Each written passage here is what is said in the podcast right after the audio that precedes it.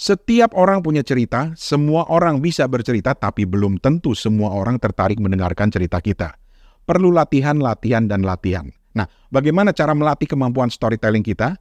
Bagaimana kalau gue bilang, lo bisa punya cara buat latihan selama satu bulan penuh bareng teman-teman podcaster, termasuk juga gue. Tertarik?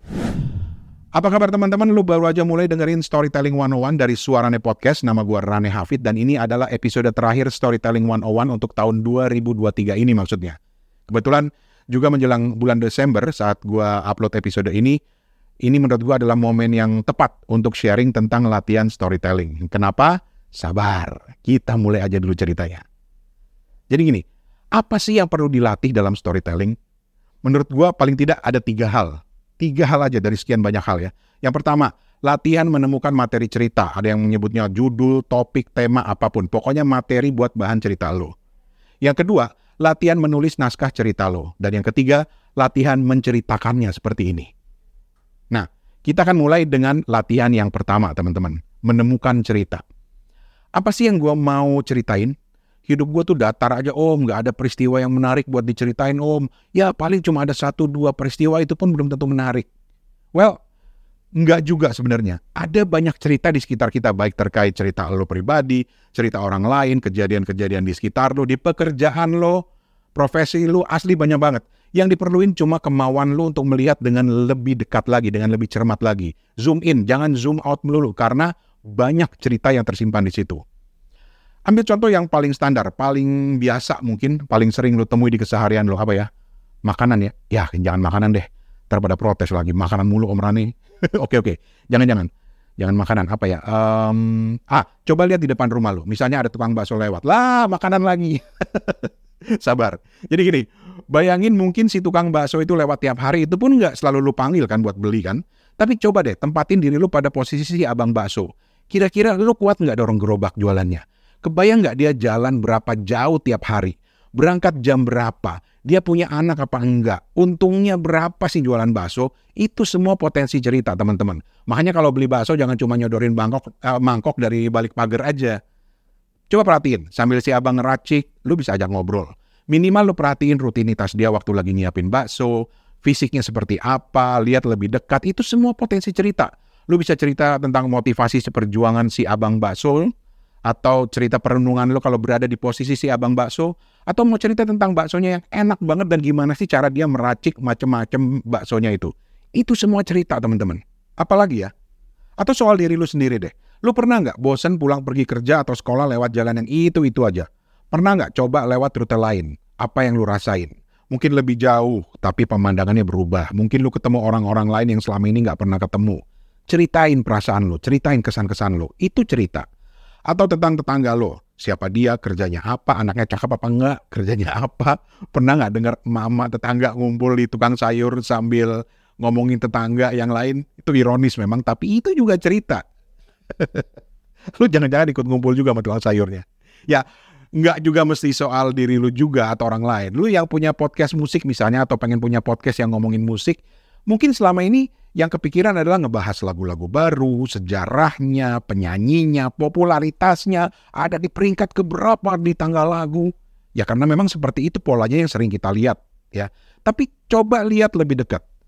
Pernah nggak kepikiran kalau lirik-lirik lagu itu juga bagus buat dibahas? Misalnya dari interpretasi lu tentang lagu itu, atau yang suka cerita fiksi bisa bikin satu cerita yang terinspirasi dari lirik-lirik lagu favorit lo. Banyak, banyak banget. Tinggal lihat dengan lebih cermat dan dari sudut pandang yang berbeda. Semua kemauan itu yang dituntut dari lu untuk bisa bercerita. Gue punya cara lain untuk melatih uh, mencari topik atau bahan cerita, yaitu lewat kata kunci atau disebut juga prompt. Dulu, waktu gue mulai membiasakan diri nulis jurnal atau catatan harian atau diary, gue sering terjebak dalam rutinitas nulis nulisnya itu curhat terus, ngeluh terus di jurnal.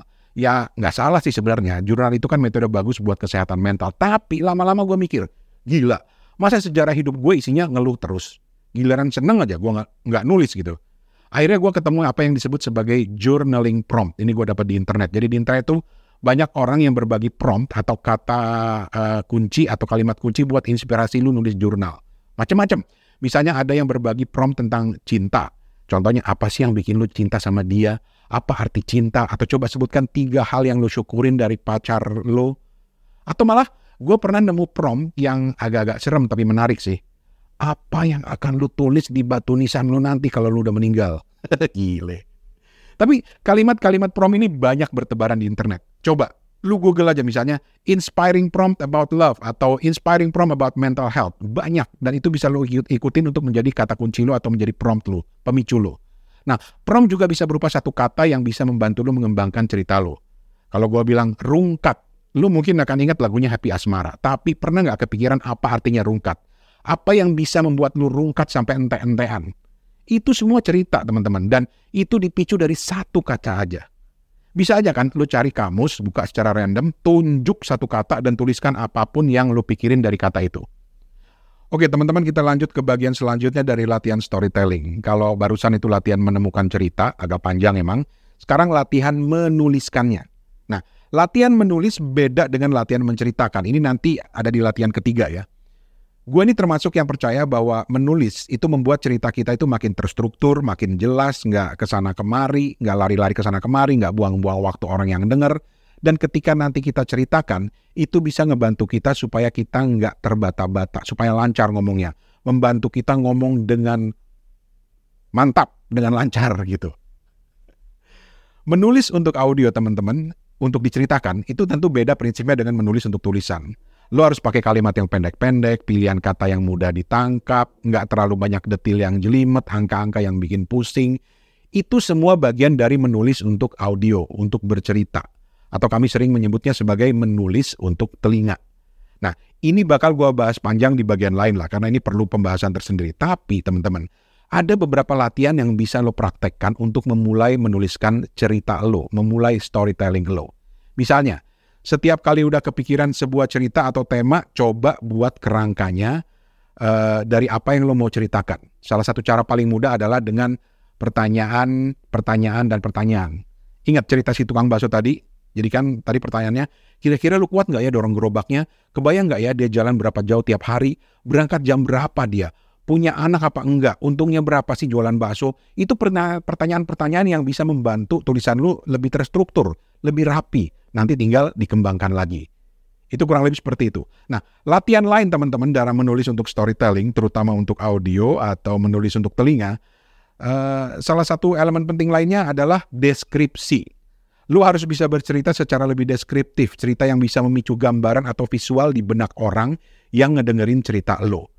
Itu sangat amat penting.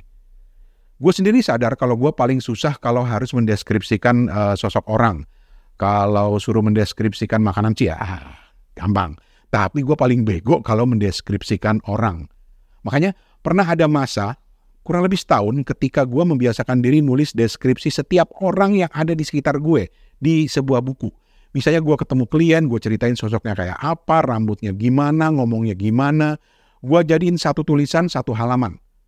Ini latihan yang ampuh banget karena lu akan lihat perkembangan lu nanti setahap demi setahap dan akan banyak belajar dari waktu ke waktu. Asal lu lakukannya dengan rutin. Jadi, buatlah teman-teman proyek-proyek kecil di keseharian. Ceritakan apa yang lu lihat, apa yang lu rasakan, dengan siapa lu ketemu, makan apa, dan lain-lain.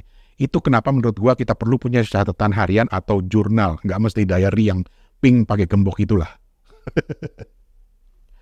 Oke teman-teman kalau sebelumnya kita latihan mencari cerita, terus yang kedua itu latihan menuliskan, nah ketiga ini adalah latihan menceritakannya. Nah, ini yang juga tidak kalah menantang. Storytelling itu kan tentang bagaimana kita menceritakan cerita kita. Misalnya buat di podcast. Tapi masalahnya tidak semua orang nyaman bicara apalagi harus bicara dengan terstruktur, dengan rapi. Makanya perlu ada naskah atau minimal pakai pointers. Nah, latihan paling ampuh menurut gua adalah paraphrasing, paraphrasing atau menceritakan kembali. Caranya coba cari artikel di koran misalnya. Eh maksud gua di di media online. Koran jadul banget baca artikel itu dan ceritakan ulang. Atau tulisan lu dibaca lagi berulang-ulang dan lu ceritakan lagi tanpa membaca tulisan itu. Atau mau yang lebih mudah lagi, lu punya naskah atau tulisan, dibaca lagi berulang-ulang, terus buat poin-poin untuk membantu lu dan kemudian ceritakan ulang. Rekam supaya lu nanti bisa melihat perkembangannya seperti apa. Gue pribadi termasuk aliran yang harus baca naskah full. Jadi biasanya gue bakal tuliskan dengan gaya sebagaimana layaknya gue ngomong, gue edit, Gua baca, edit lagi kalau perlu, terus hasil akhirnya akan gua baca beberapa kali. Setelah itu, gua akan coba ceritakan. Ini sangat membantu buat gue pribadi. Kadang nih di mobil ya, isi naskah itu gue suka ceritain lagi, gue ngoceh sendiri sambil nyetir, gue rekam untuk melatih kemampuan gue cerita. Pokoknya gue terus-menerus latihan ngoceh. Termasuk juga ngoceh di depan kaca, apalagi kalau gue mau perform. Biasanya gue akan baca di depan kaca. Jadi teman-teman, begitulah storytelling atau latihan-latihannya. Yang pertama itu latihan menemukan materi cerita, latihan menulis naskah cerita, dan ketiga adalah latihan menceritakannya. Mudah-mudahan ini bermanfaat buat lo dan sebelum gua tutup, gimana kalau gua bilang lo akan punya kesempatan untuk latihan storytelling, termasuk mempraktekkan ketiga latihan yang gua ceritain tadi selama satu bulan penuh bareng teman-teman dari komunitas The Podcasters Indonesia. Jadi lu nggak sendiri. Jadi komunitas podcaster terbesar di Indonesia itu, The Podcasters Indonesia, setiap bulan Desember punya hajatan rutin yang disebut 30 hari bersuara. Dan sederhananya, 30 hari bersuara ini adalah bikin satu episode setiap hari selama satu bulan penuh di bulan Desember. Terus diupload ke podcast. Aturan lengkapnya silakan ke Instagram thepodcasters.id. Kalau lo belum punya podcast ya tinggal bikin aja. Gratis ini nyantai, gratis ini.